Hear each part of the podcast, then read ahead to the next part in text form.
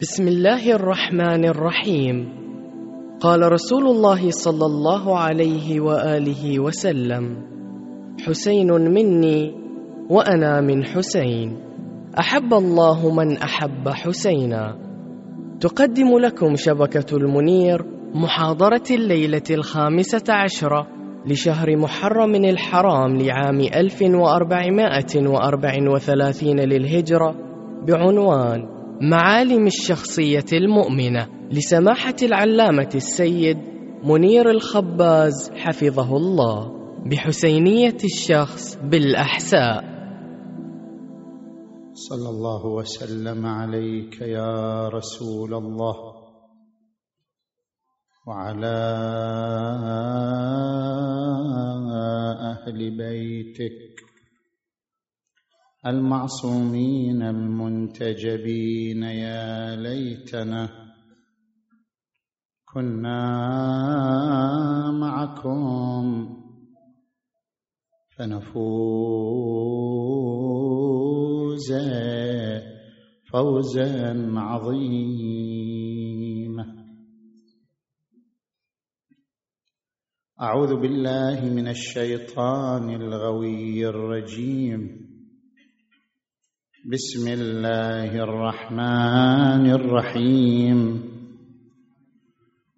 قل كل يعمل على شاكلته فربكم أعلم بمن هو أهدى سبيلا. آمنا بالله صدق الله العلي العظيم.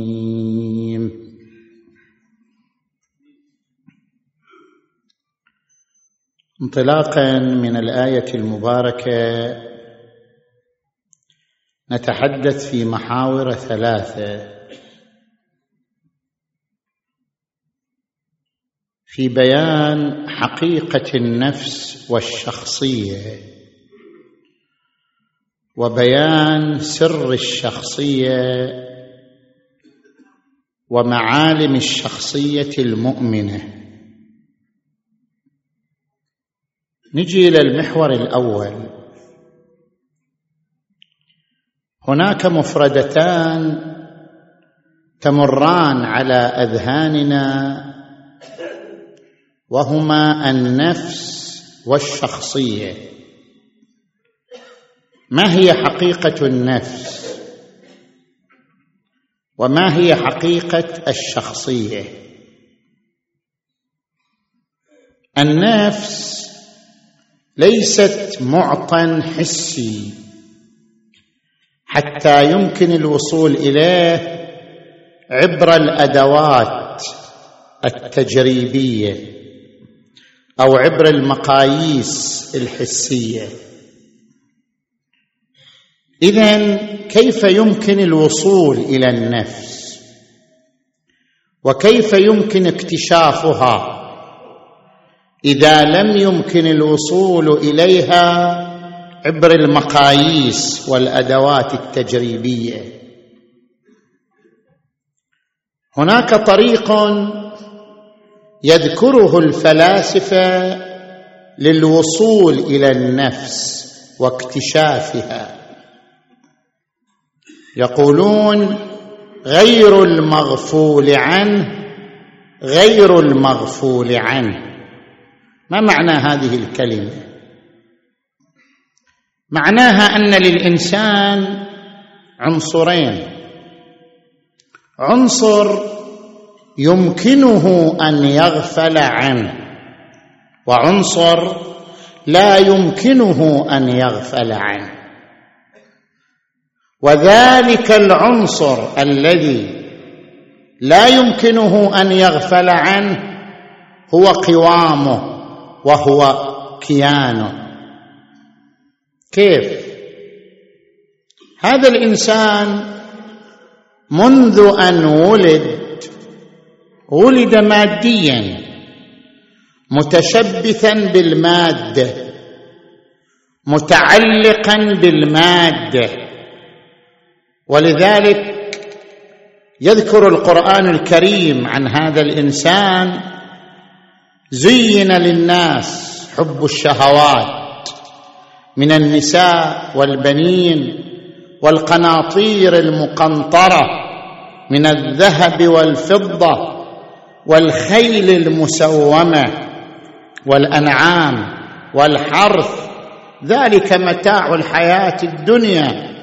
والله عنده حسن المآب.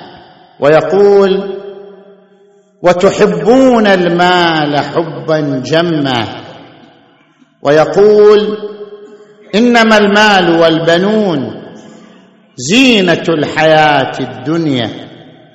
الإنسان متعلق بالمادة لأنه ولد وهو مادي ولد وهو جسم.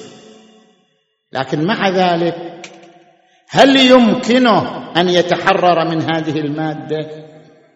هل يمكن أن يمر على الإنسان لحظة يغفل عن هذه المادة كلها ويتحرر من جميع علائقها أم لا؟ يمكن. ما هو ذلك الوقت؟ ما هي تلك اللحظة؟ التي يمكن فيها الإنسان أن يتحرر من كل علائق المادة ويغفل عنها. تلك اللحظة هي لحظة الخوف. الإنسان إذا أصابه خوف ذريع إذا تعرض إلى خطر عظيم إذا تعرض إلى خطر وخيم عليه الخوف ستجده. لا يفكر في أولاد ولا في أموال ولا في مادة ولا حتى يفكر في جسمه. يفكر في شيء واحد ألا وهو نفسه. فهذا الإنسان المكون من عنصرين مادة وهو هذا الجسم. وعنصر آخر يسميه أنا نحن. ترى هذا الإنسان إذا مر بالخوف الذريع وخيم عليه الخطر يتنازل عن كل شيء ويتخلص من كل شيء ويبقى يتشبث بعنصر واحد وهو كلمة أنا. يحمي نفسه ويتقي عليها ويدرأ عنها. هذا معناه أن الإنسان غفل عن عنصر وبقي متشبثا بعنصر آخر. غفل عن العنصر المادي وهو جسده ثروته أمواله أولاده وتشبث بالعنصر الآخر وهو الذي يسميه أنا نفسي نحن.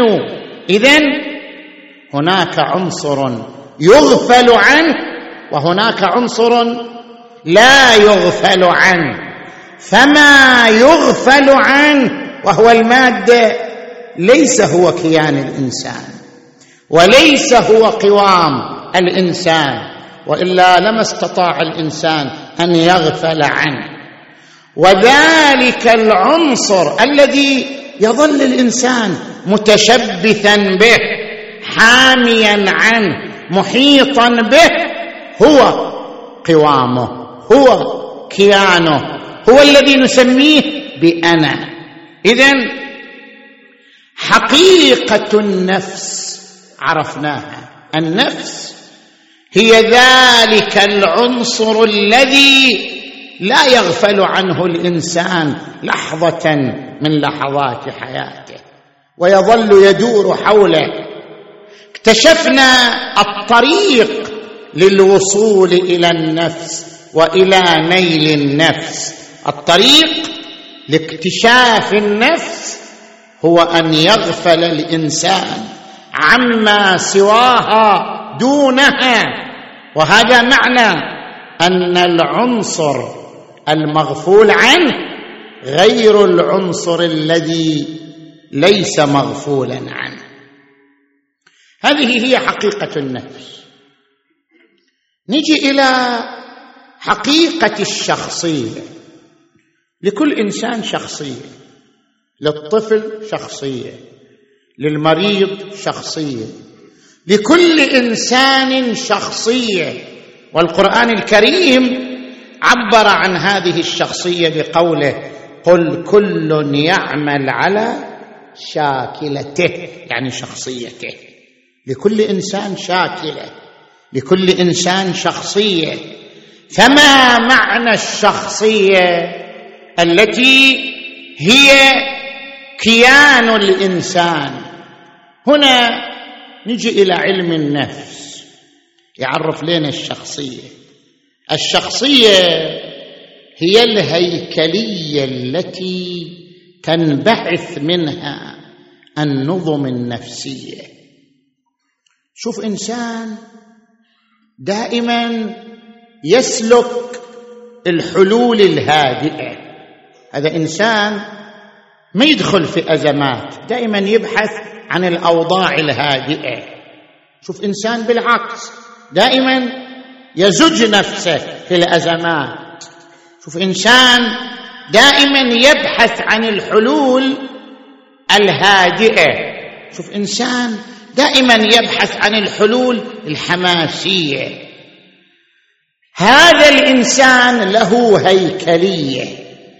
له هيكلية تبعثه على أن يسلك الطرق الهادئه هذه الهيكلية هي شخصيته شخصية الحلم شخصية الهدوء. هذا الإنسان الآخر لا. هيكليته تبعثه على الحماس تبعثه على القفز تبعثه على أن يزج بنفسه في الأزمات. اذا هيكليته هي الحماس المسيطر على كيانه. الهيكلية التي تنبعث منها نظم الإنسان ظواهر الإنسان تصرفات الإنسان تلك الهيكلية نسميها بالشخصية شخصية الإنسان. وتلك الهيكلية نسميها بالشاكلة. قل كل يعمل على شاكلته. زين. نجي الآن إلى المحور الثاني من حديثنا. ما هو سر الشاكلة؟ أو ما هو سر الشخصية؟ كيف نعرف سر الشخصية؟ سر الشخصية بسر الاختيار. شلون يعني سر الشخصية بسر الاختيار؟ أنا أضرب لك مثل. تارة الإنسان يعرض عليه وظيفتان. إحدى الوظيفتين أكثر راتبا من الآخر. واضح. يختار الأكثر راتب إحدى الوظيفتين أكثر ابداعا وعطاء من الأخرى. يختار الوظيفة الأكثر إبداع. وتاره الإنسان تعرض عليه وظيفتان متساويتان. في الراتب متساويتان في الجهد متساويتان في الإنجاز. بس مع ذلك هو يختار إحداهما. ليش اختار سر الاختيار هنا محير لعلماء النفس. لماذا اختار إحدى الوظيفتين دون الأخرى؟ والحال أنهما متساويتان أو متقاربتان. ما هو سر الاختيار؟ لماذا اختار إحدى الوظيفتين؟ لماذا اختار إحدى الزوجتين؟ لماذا اختار أحد الثوبين؟ وهما متساويان في الصفات الجذابة. سر الاختيار يكشف عن سر الشخصية. سر شخصيته في سر اختياره. لذلك هذا اللغز ما هو سر الاختيار؟ لكي يرتكز عليه معرفة سر الشخصية. هنا اتجاهات ثلاثة في علم النفس البشري الوضعي. الاتجاه الأول اتجاه الإرادة. ما معنى الإرادة؟ يعني أن الإنسان يختار اعتباط. الإعتباطية هي التي تقوده لأن يختار أحد الأمرين لأن ما في مرجح كلاهما متساويان فاختياره لأحدهما اعتباط محض يعني أعمل إرادته فاختار. مثلا شوف إنسان عطشان جدا عرض عليه كأسان وبعد ما يظل يرجح ويقارن يقول لك الله أريد أشرب جيب واحد. اعتباطا يختار أحدهما لأجل رفع عطشه أو تجي إلى إنسان ارتكب جريمة وهرب هرب وين يروح؟ شاف أمامه طريقان إما هذا واما هذا. بعد في هذا الوقت شنو؟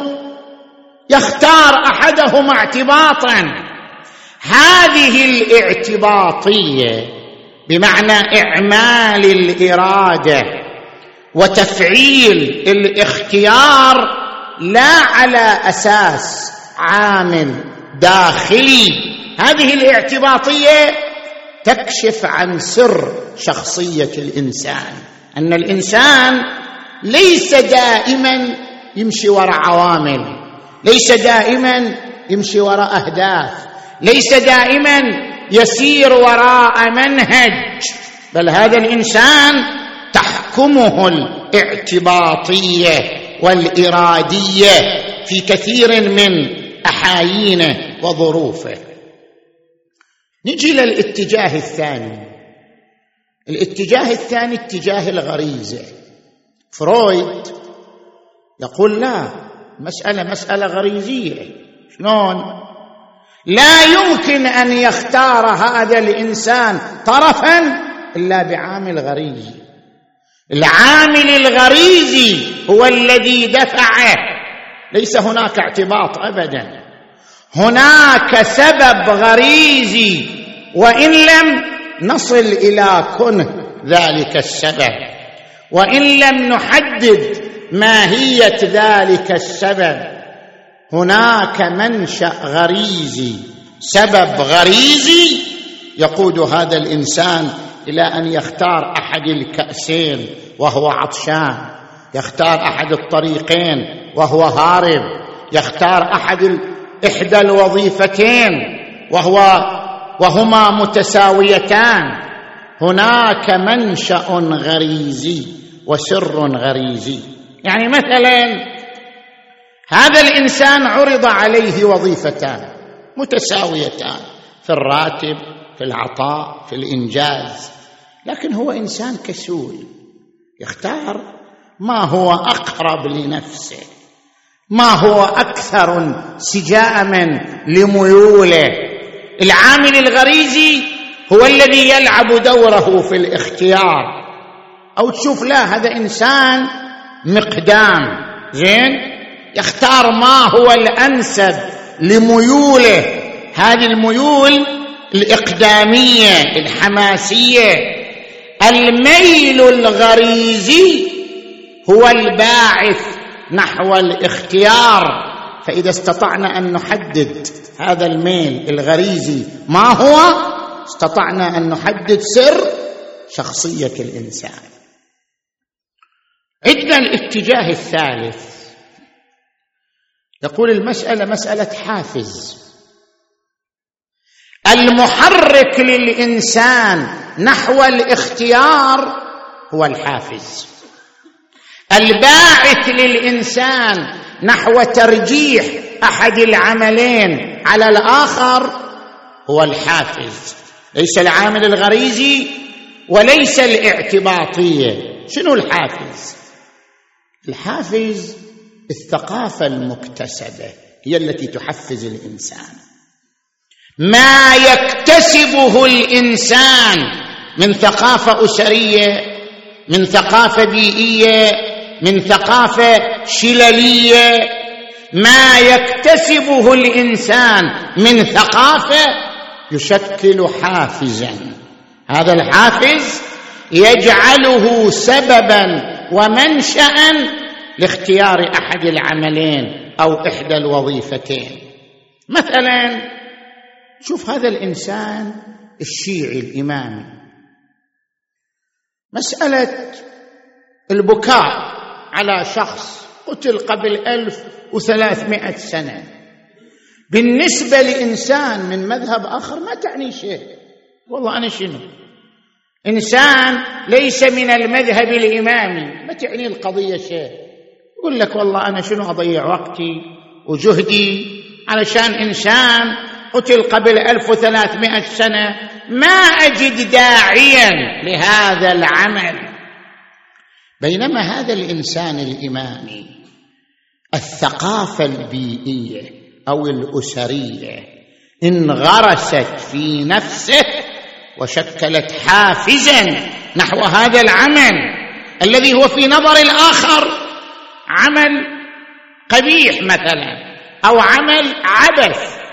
الثقافة البيئية شكلت لدى الإمام حافزا على أن يبكي على أن ينحب. يا فضيل أتجلسون وتتحدثون؟ قلت بلى سيدي. قال إني أحب تلك المجالس فأحيوا فيها أمرنا. من جلس مجلسا يحيا فيه أمرنا. لم يمت قلبه يوم تموت القلوب.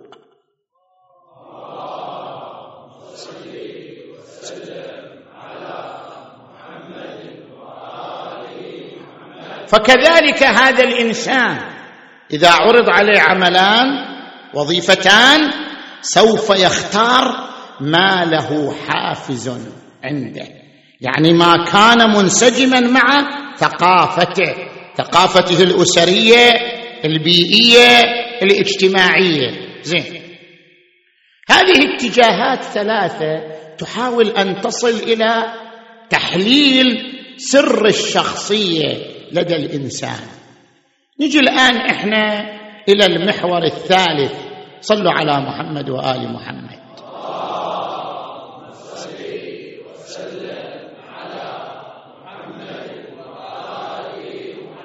معالم الشخصية المؤمنة. أذكر لك هنا أمور ثلاثة ترتبط بهذا المحور. الأمر الأول عرفنا معنى الشاكلة.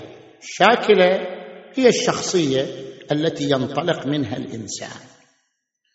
المنظور الإسلامي يرى أن الإنسان مر بعدة شخصيات. وليس له شخصية واحدة وليس له شاكله واحدة. له عدة شخصيات له عدة شواكل. الشخصيه الأولى هي الشخصية العلمية. شنو معنى الشخصية العلمية؟ الإنسان قبل أن يهبط إلى عالم المادة كان روحا وتلك الروح لم يكن لها تفكير ولم يكن لها مشاعر. كانت تملك شيء واحد فقط وهو العلم. الروح في عالم قبل عالم الماده تمتلك خاصية واحدة وهي خاصية الاكتشاف والعلم. الله عز وجل عندما خلق الأرواح أفاض عليها أنوار ملكوته فاكتشفت ملكوته وتعلمت ملكوته وبقي هذا العلم فطرة لدى الإنسان. وإذ أخذ ربك من بني آدم من ظهورهم ذريتهم ثم أشهدهم على أنفسهم. ألست بربكم؟ قالوا بلى. شنو هذه الشهادة؟ شهادة لفظية؟ لا. معنى هذه الشهادة أن الله كشف لهذه الأرواح ملكوته فتعطرت وتشرفت بذلك العلم الشهودي وبقي هذا العلم الشهودي رصيدا في فطرة كل إنسان. فأقم وجهك للدين حنيفا فطرة الله التي فطر الناس عليها. لا تبديل لخلق الله. اذا هذه أول شاكلة أول شخصية مر بها الإنسان هي الشخصية العلمية. المرحلة الثانية الشخصية المادية. كيف؟ أول ما ارتبط الإنسان ارتبط بالنطفة. هذا الحيوان المنوي المجهري. أول ارتباط للإنسان بهذا الحيوان المنوي. تلك الشخصية العلمية اختصرت صارت ضمنها النطفة الصغيرة ضمن هذا الحيوان المنوي المجهري. لقد خلقنا الإنسان من سلالة من طين ثم جعلناه نطفة. في قرار مكين علقت بجدار الرحم وبدأت تتحول إلى نشء إنساني. هذا أول ارتباط للإنسان بعالم المادة أول منزل من منازله يصير حيوان منوي ضئيل هذا الارتباط أعطى للإنسان عاملين جديدين ما كان يملكهم. العقل والمشاعر. قبل أن ينزل لعالم المادة ما كان يحتاج إلى تفكير لأن الملكوت مشاهد أمامه ما يحتاج إلى تفكير. بعد أن نزل إلى عالم المادة عالم المادة عالم ضيق عالم نقص وليس عالم سعة وليس عالم إحاطة. لأن عالم الماده عالم الضيق عالم النقص. ولد عالم الماده للإنسان قوة تسمى بقوة التفكير. يستطيع أن يتجاوز بها هذا العالم الذي هو محيط به ليتوصل إلى المعلومات والقضايا الكلية. ونفس وما سواها فألهمها. ألهمها وقت تسويتها. المقصود بالتسوية هنا التسوية المادية لأن الله تبارك وتعالى يقول فإذا سويته ونفخت فيه من روحي فقعوا له.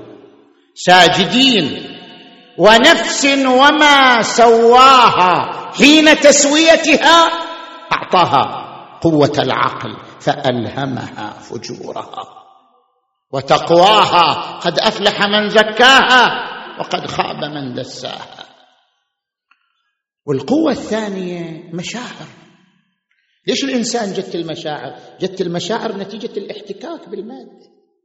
نتيجة الاحتكاك بعالم المادة صار جائع عطشان فرح حزين غضوب.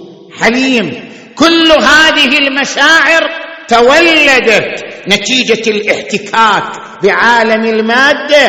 إن الإنسان خلق هلوعا.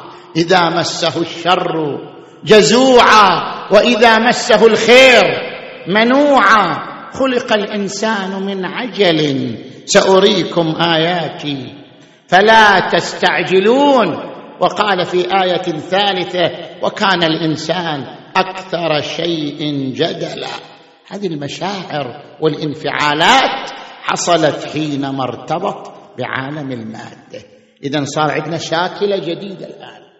الشاكلة الجديدة والشخصية الجديدة شخصية مؤلفة من عقل ومشاعر. الشخصية الثالثة الشخصية الوراثية.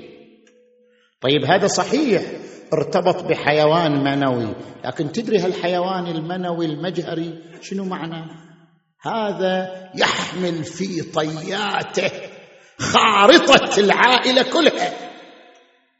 هذا الحيوان المنوي المجهري يحمل خارطة الجينوم البشري بصمات الآباء والأجداد. كلها تنعكس في هذا الحيوان المجهري الصغير.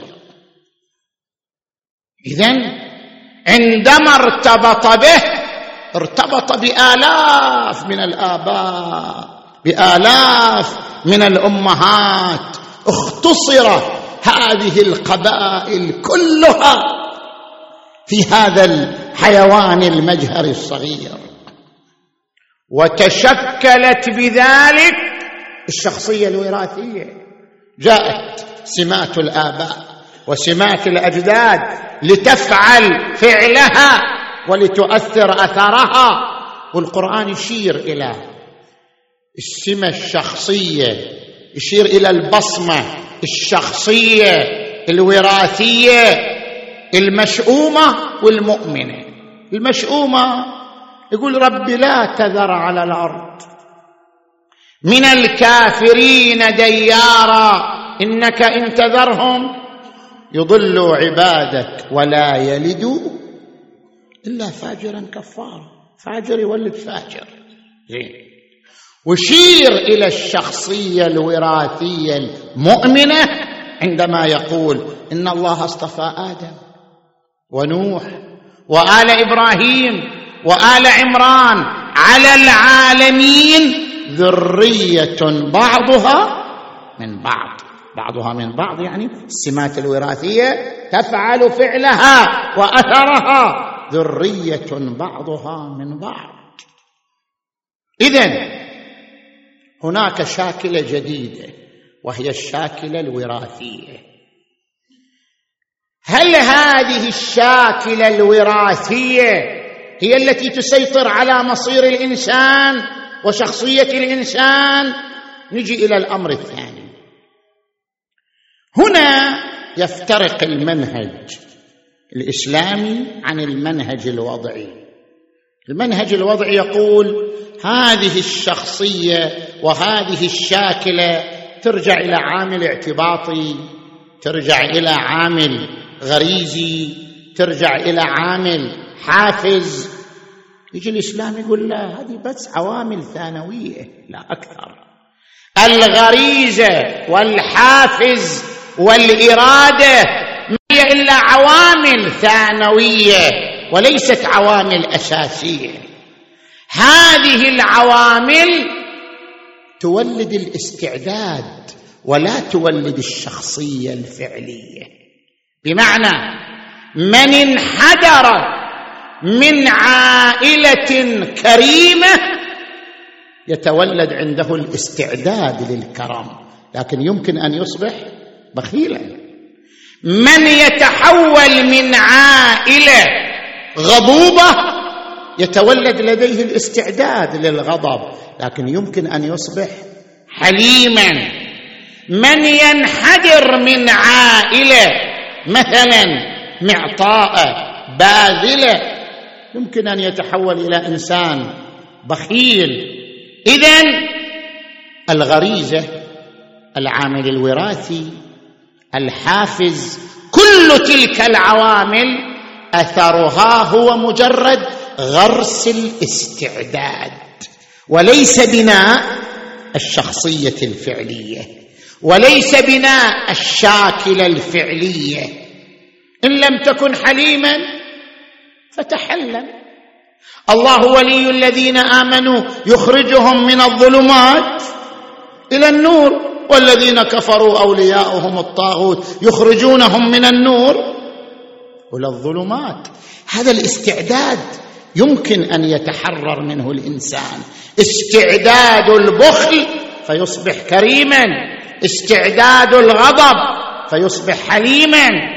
اذا ما هو العامل المؤثر بالمنظور الإسلامي في بناء الشاكلة في بناء الشخصية التي على أساسها يتميز الإنسان.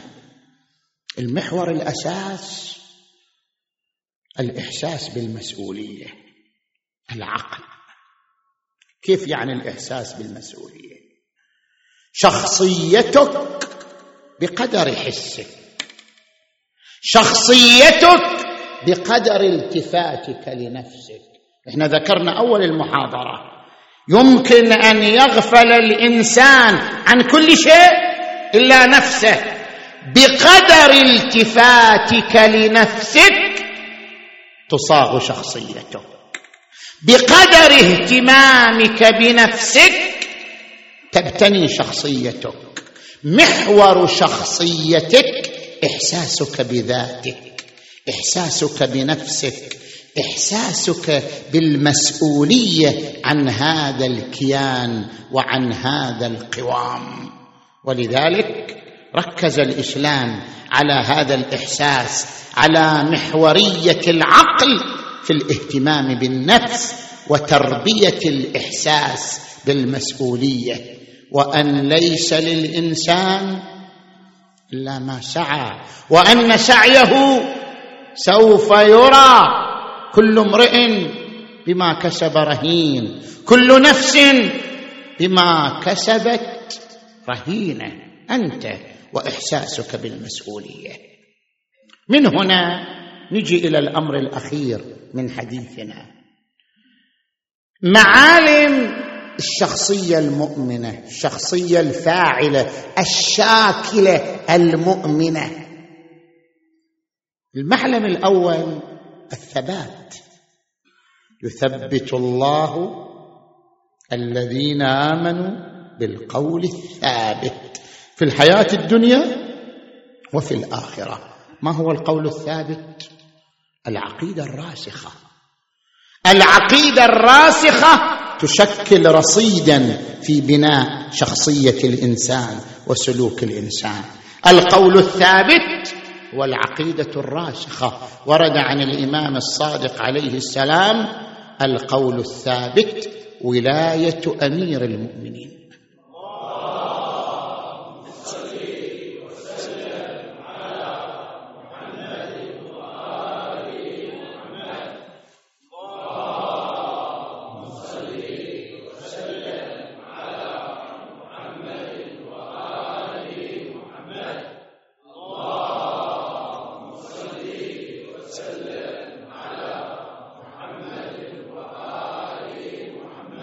القران الكريم يتحدث عن أثر القول الثابت في بناء شخصية الإنسان الذين يذكرون الله قياما وقعودا وعلى جنوبهم ويتفكرون في خلق السماوات والأرض. ربنا ما خلقت هذا باطلا. سبحانك فقنا عذاب النار. قادهم التفكير إلى أن يكونوا قياما وقعودا وعلى جنوبهم. ويقول القرآن الكريم فالذين آمنوا به يعني النبي صلى الله عليه وآله وعزروه ونصروه واتبعوا النور الذي أنزل معه. لأنهم آمنوا به عزروه. الإيمان يقود إلى التعزير. التعزير هو التعظيم. يريد القرآن الكريم يقول لا إيمان بدون تعظيم. الإيمان بالنبي يعني الاهتمام بعظمة النبي. والاهتمام بعظمة النبي يعني الاهتمام بذكرى ميلاده بذكرى وفاته بذكريات أبنائه وذريته. هذا هو التعزير. فالذين آمنوا به وعزروه ونصروه واتبعوا النور الذي أنزل معه. هذا المعلم الأول. المعلم الثاني انشراح الصدر. لا يمكن لك أن تبقى دائما في ظلمة. لا يمكن لك أن تبقى دائما في جب في سجن. تحرر من الجب تحرر من السجن. تجاوز هذه الظلمة. أنت تحتاج إلى نافذة أمل تفتحها على قلبك. أنت تحتاج إلى بريق من النور يضيء قلبك ويضيء روحك. هذا البريق من النور ما يجي هكذا أنت تحتاج أن تسعى إليه. إذا سعيت للنور أنار الله قلبك. فمن يرد الله أن يهديه يشرح صدره للإسلام. ومن يرد أن يضله يجعل صدره ضيقا حرجا كأنما يصعد في السماء. ألم نشرح لك صدرك؟ انشراح الصدر هو الأوبة من الذنوب. إذا أذنب آب إلى ربه. إن كان الندم على الذنب توبة فإني وعزتك من النادمين. الندم اللين هو انشراح الصدر هو الذي يفتح بابا من النور على قلبك وعلى روحك. فهذا معلم أساس في الشخصية المؤمنة ألا وهو الانفتاح على النور. أفمن كان ميتا؟ فأحييناه وجعلنا له نورا يمشي به في الناس كمن مثله في الظلمات ليس بخارج منها. المعلم الثالث الحكمة المؤمن حكيم. الحكمة أن تضع الشيء في موضعه ومن يؤتى الحكمة فقد أوتي خيرا كثيرا. ادع إلى سبيل ربك بالحكمه والموعظة الحسنة. الحكمة يعني أن تدرس العواقب. لا تقدم على عمل بدون دراسة لنتائجه. لا تقفز على عمل بدون دراسة لنهايته وأهدافه. قراءة العمل ودراسة نتائجه هي الحكمة التي لا بد أن يتحلى بها المؤمن. ولذلك يقولون الحكمة ضالة المؤمن. يعني المؤمن ضالته أن يكون متزنا أن يضع قدمه في الموضع الذي يليق بها. ولذلك ورد عن الإمام زين العابدين علي عليه السلام حتى في الأصدقاء يقول لك لازم تختار صديق حكيم. خمسة لا ترافقهم. من هم؟ الفاسق. فإنه بائعك بأكله أو بأقل منها. والكذاب فإنه كالسراب يقرب لك البعيد ويبعد عنك القريب. والبخيل فإنه يمنعك أحوج ما تكون إليك. والأحمق هذا اللي قاعدين نقول. لازم يصير صديقك حكيم مو أحمق. ولا أحمق. فإنه يريد أن ينفعك فيضرك. وقاطع الرحم. فإني وجدته ملعونا في كتاب الله. المعلم الرابع التقوى. وتزودوا. فإن خير الزاد التقوى. التقوى يعني الوقاية. وقاية النفس. ووقاية النفس إنما ترتكز على الخوف من الله. من لم يخف ربه لم يستطع أن يقي نفسه. قوا أنفسكم وأهليكم نارا وقودها الناس والحجارة. عليها ملائكة غلاظ شداد. لا يعصون الله ما أمرهم ويفعلون ما يؤمرون. التقوى هي الوقاية والوقاية منطلقها الخوف من الله. فأما من طغى وآثر الحياة الدنيا فإن الجحيم هي المأوى.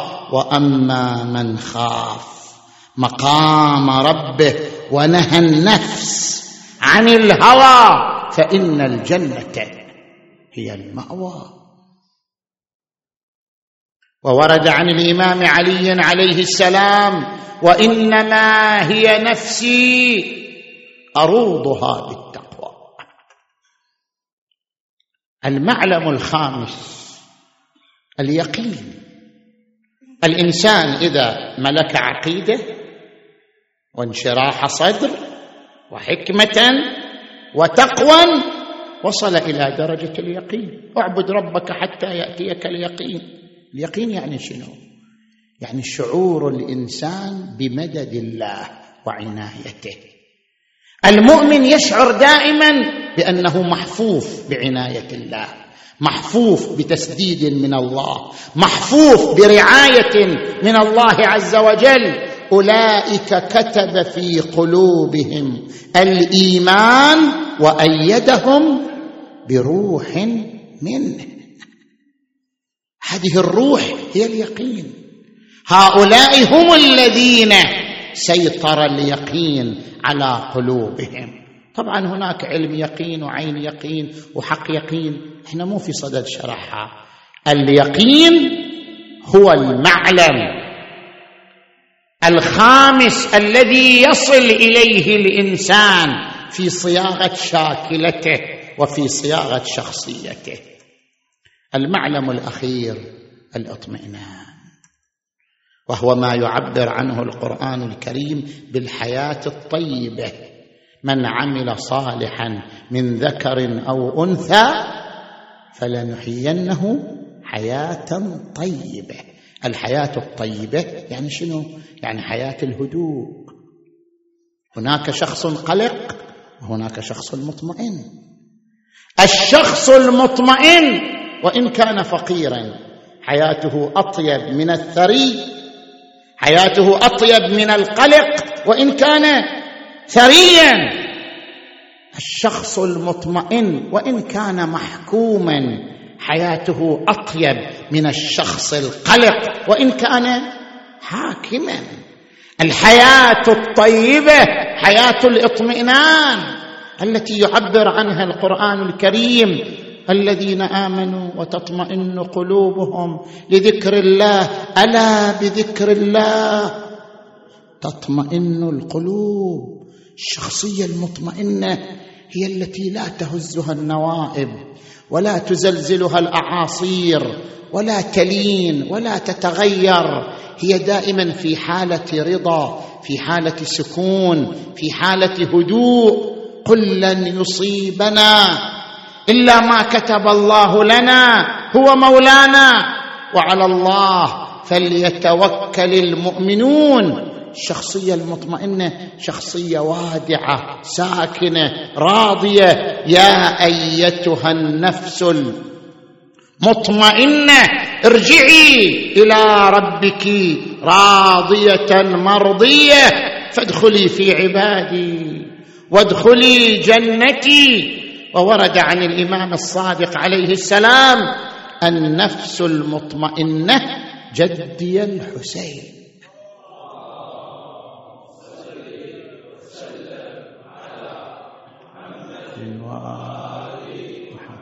الحسين مطمئن شخصية مطمئنة لم تتزلزل ولم تتوانى. ولم تضعفها النوائب ولا المصائب. شخصية مطمئنة ثابتة الجأش يقول حميد بن مسلم ما رأيت مثل الحسين.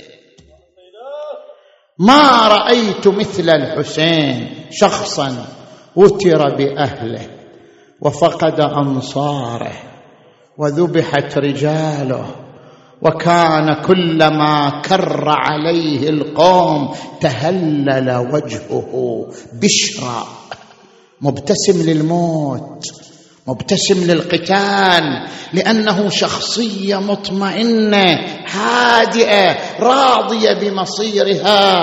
الحسين لما أحس بحرارة السهم المثلث وهو ينفذ إلى قلبه ويمزق أحشائه. ما بكى ما بكى وما أعول ابدا.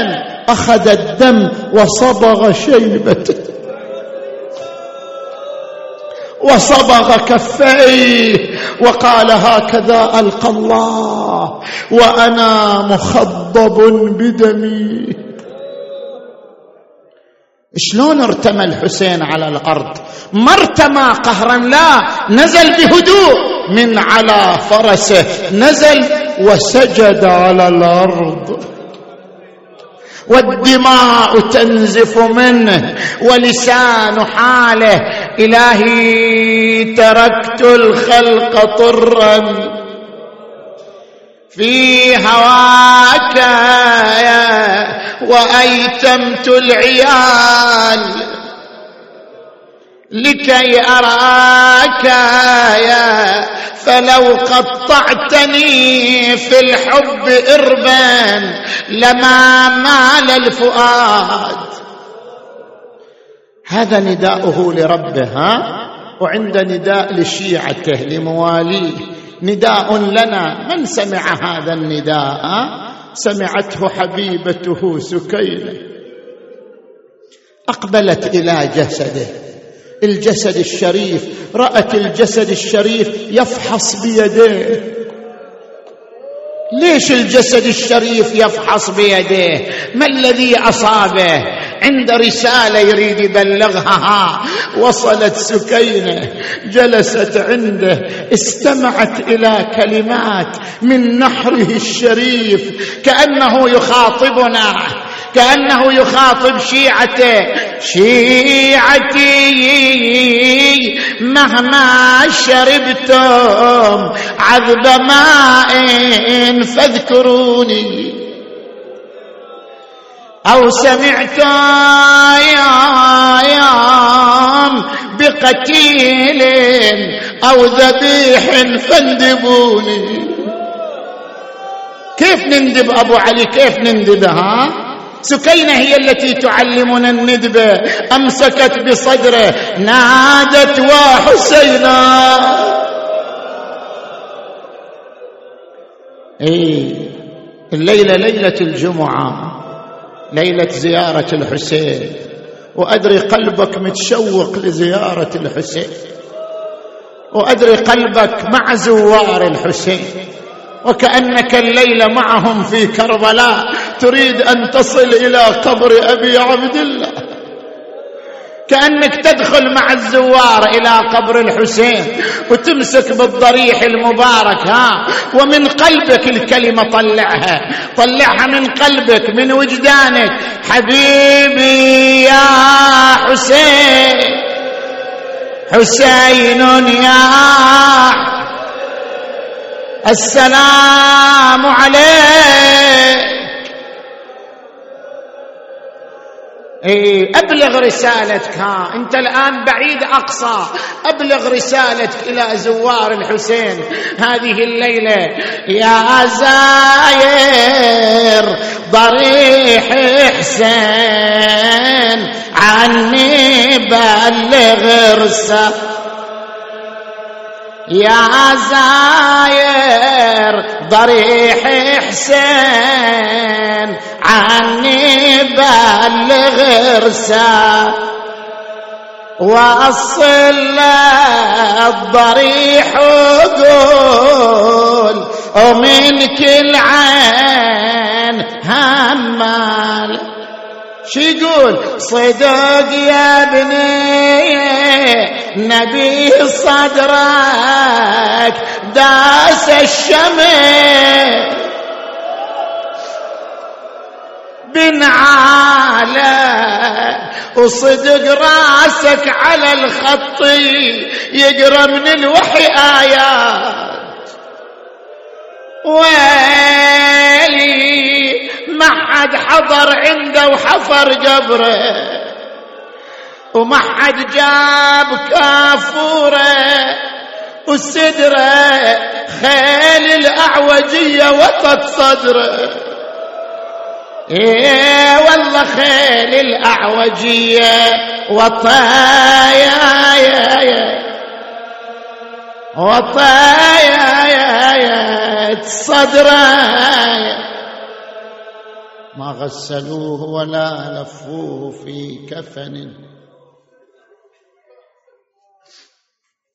يا الله. اللهم صل على محمد وآل محمد. اللهم بالحسين الوجيه وجده وأبيه وأمه وأخيه والتسعة من بنيه. بسم الله الرحمن الرحيم. أمن يجيب المضطر إذا دعاه ويكشف السوء. أمن يجيب المضطر إذا دعاه ويكشف السوء. أمن يجيب المضطر إذا دعاه ويكشف السوء.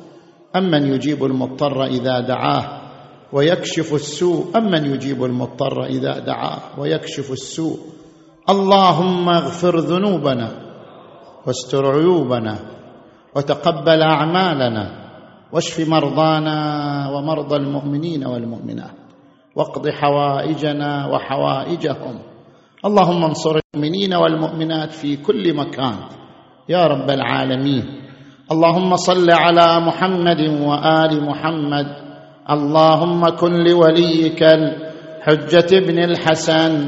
صلواتك عليه وعلى آبائه في هذه الساعة وفي كل ساعة. وليا وحافظا وقائدا وناصرا ودليلا وعينا. حتى تسكنه أرضك طوعا وتمتعه فيها طويلا. برحمتك يا أرحم الراحمين. وإلى أرواح أموات المؤسسين والمؤمنين والمؤمنات ثواب الفاتحة تسبقها الصلوات.